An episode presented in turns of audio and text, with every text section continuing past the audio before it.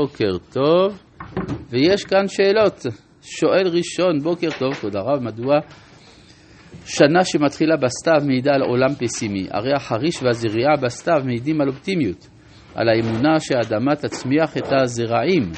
למעשה ההתחדשות באביב תלויה בהתחדשות החקלאית בסתיו. אז זה לא נכון, החריש והזריעה זה בא אחרי חג הסוכות, כלומר בחודש מרחשוון. ולא בזמן האסיף שבו גומרים ממה שהיה. וחוץ זה שהעדות החיצונית של הטבע היא עדות על עולם בלה. שואל אבישי, בכלל יש תמיד איזה מין אה, הרגשות ה, של הבליות העולם, לומר שהכל הבל, זה דברים שקורים בעיקר במזג האוויר הסתווי. לא בכדי אחינו האשכנזים קוראים את ספר קהלת דווקא בתקופה הזאת.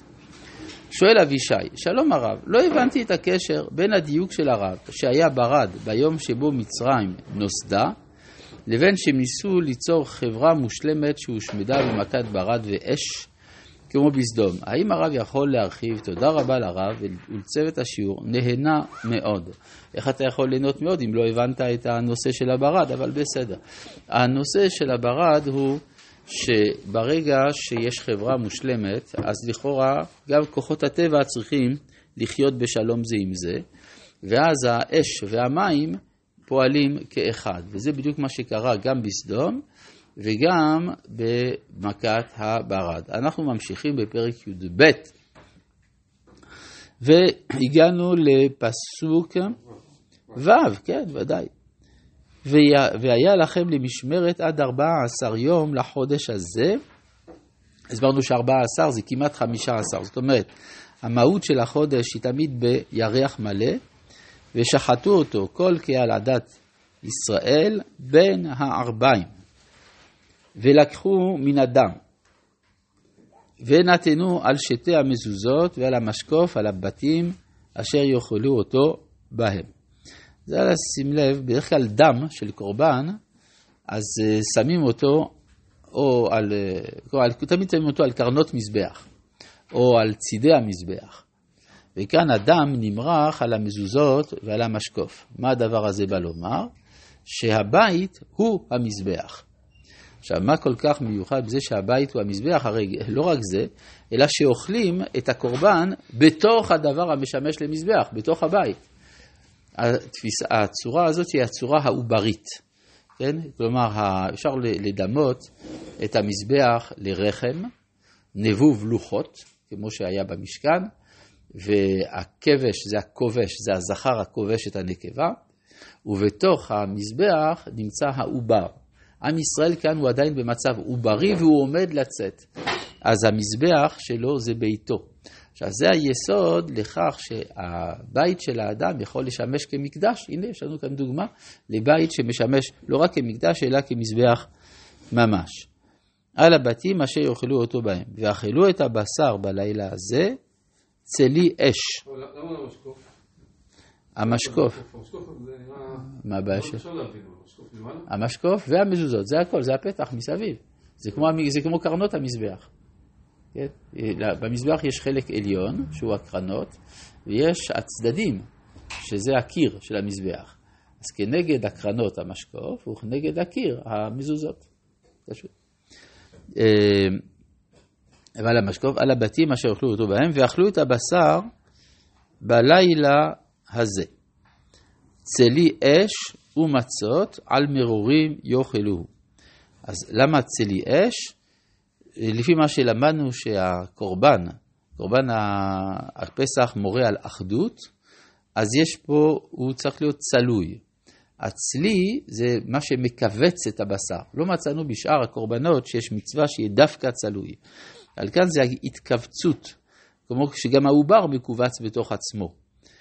ומצות, מצות זה פשטות, כלומר אה, לחם לגמרי אה, פשוט, כמו האדם שמתחיל את חייו, הוא עוד לא הספיק לטפוח.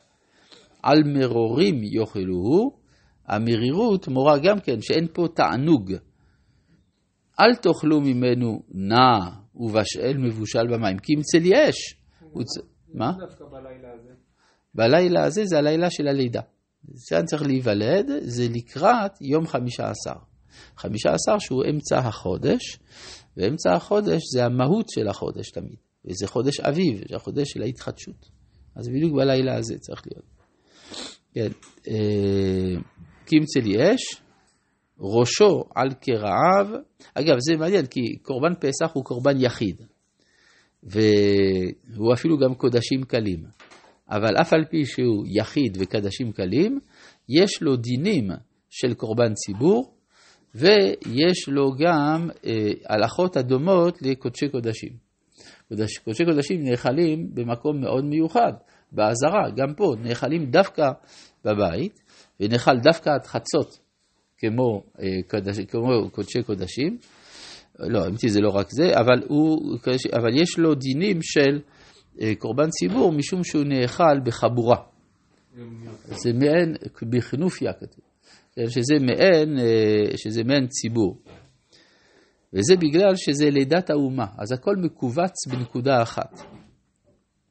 כי מסילש ראשו על קרעיו ועל קרבו, גם הדין הזה הוא דין עוברי, כן, זה, ה, זה התנוחה של העובר.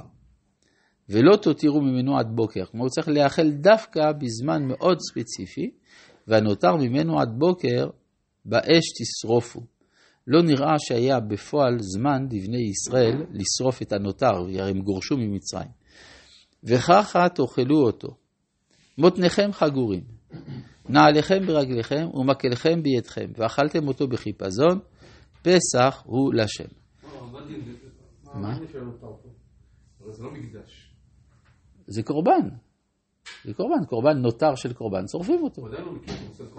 למה? מי אמר שלא מכירים את הקורבן? כולם ידעו מה זה קורבן. לא. לא, הרי כל הזמן אנחנו נזבחה לאלוהינו וכולי. וגם הגויים היו מקריבים קורבנות, וגם להבדיל, האבות היו מקריבים קורבנות. זה לא, הרעיון של הקורבן לא היה חדש בכלל. כי ביחס למקדש, יש כן. עבודה של מקדש כל יום בפני עצמו. ואז זה עבר, זה דין נותר. אה, כאן זה עדיין... אה, בסדר, אז, אז כנראה שהבית הוא גם כן סוג של מקדש, זה בדיוק העניין. כן, אה, וככה תאכלו אותו, מותניכם חגורים ונעליכם בידכם. כלומר, כי מי שעומד לנסוע, אדם שעומד לנסוע הוא כבר לבוש, מוכן לנסיעה, עם הנעליים ברגליים וכולי. אגב, יש לציין שבמצרים, אדם לא תמיד היה נועל את הנעליים. היו הולכים יחפים, והנעליים זה היה למעמדות מיוחדים או לנסיעה וכדומה. אז גם פה, לכם ברגליכם ומקלכם כמי שעומד לנסוע, ואכלתם אותו בחיפזון.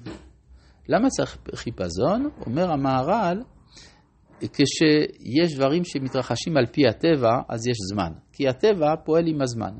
אבל כשדבר הוא מעל הטבע, אז אין זמן. מכאן החיפזון. אותו דבר כשהייתה גאולה בימי הפורים, ויבהילו את המן. כלומר, אפשר לחכות הרבה שנים עם כל הסיפור, אבל ברגע שזה מתחיל, זה מהר. כן? אותו דבר עם הציונות. הציונות זה לקח הרבה זמן, מאז שהתחילו לייבש ביצות, לקנות אדמות וכל מיני דברים כאלה. אבל ברגע שצריך להכריז על המדינה, אוטוטו מהר, טיפ טופ, לפני שבת חייבים להכריז על, על.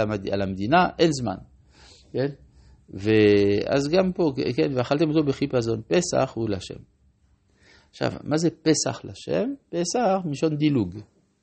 זאת אומרת, השם מדלג. ועברתי בארץ מצרים, אז יוצא לפי זה שמה שמתברר כאן, זה שהקדוש ברוך הוא יתגלה למצרים דווקא. ומה אנחנו חוגגים בפסח? שהקדוש ברוך הוא לא נגלה אלינו. הוא פסח על בתינו. כי אם הוא היה מתגלה עלינו, לפי מצבנו דאז, הקטרוג היה גדול. ייתכן שגם אנחנו היינו מוכים. ולכן אנחנו מודים לקדוש ברוך הוא שהוא לא נגלה. פסח על בתינו. ואז מתי הוא כן נגלה? בסיני. שם הוא אומר, אתה יודע מי זה היה שם? זה היה אני. אנוכי, השם אלוהיך, אשר הוצאתיך מארץ מצרים.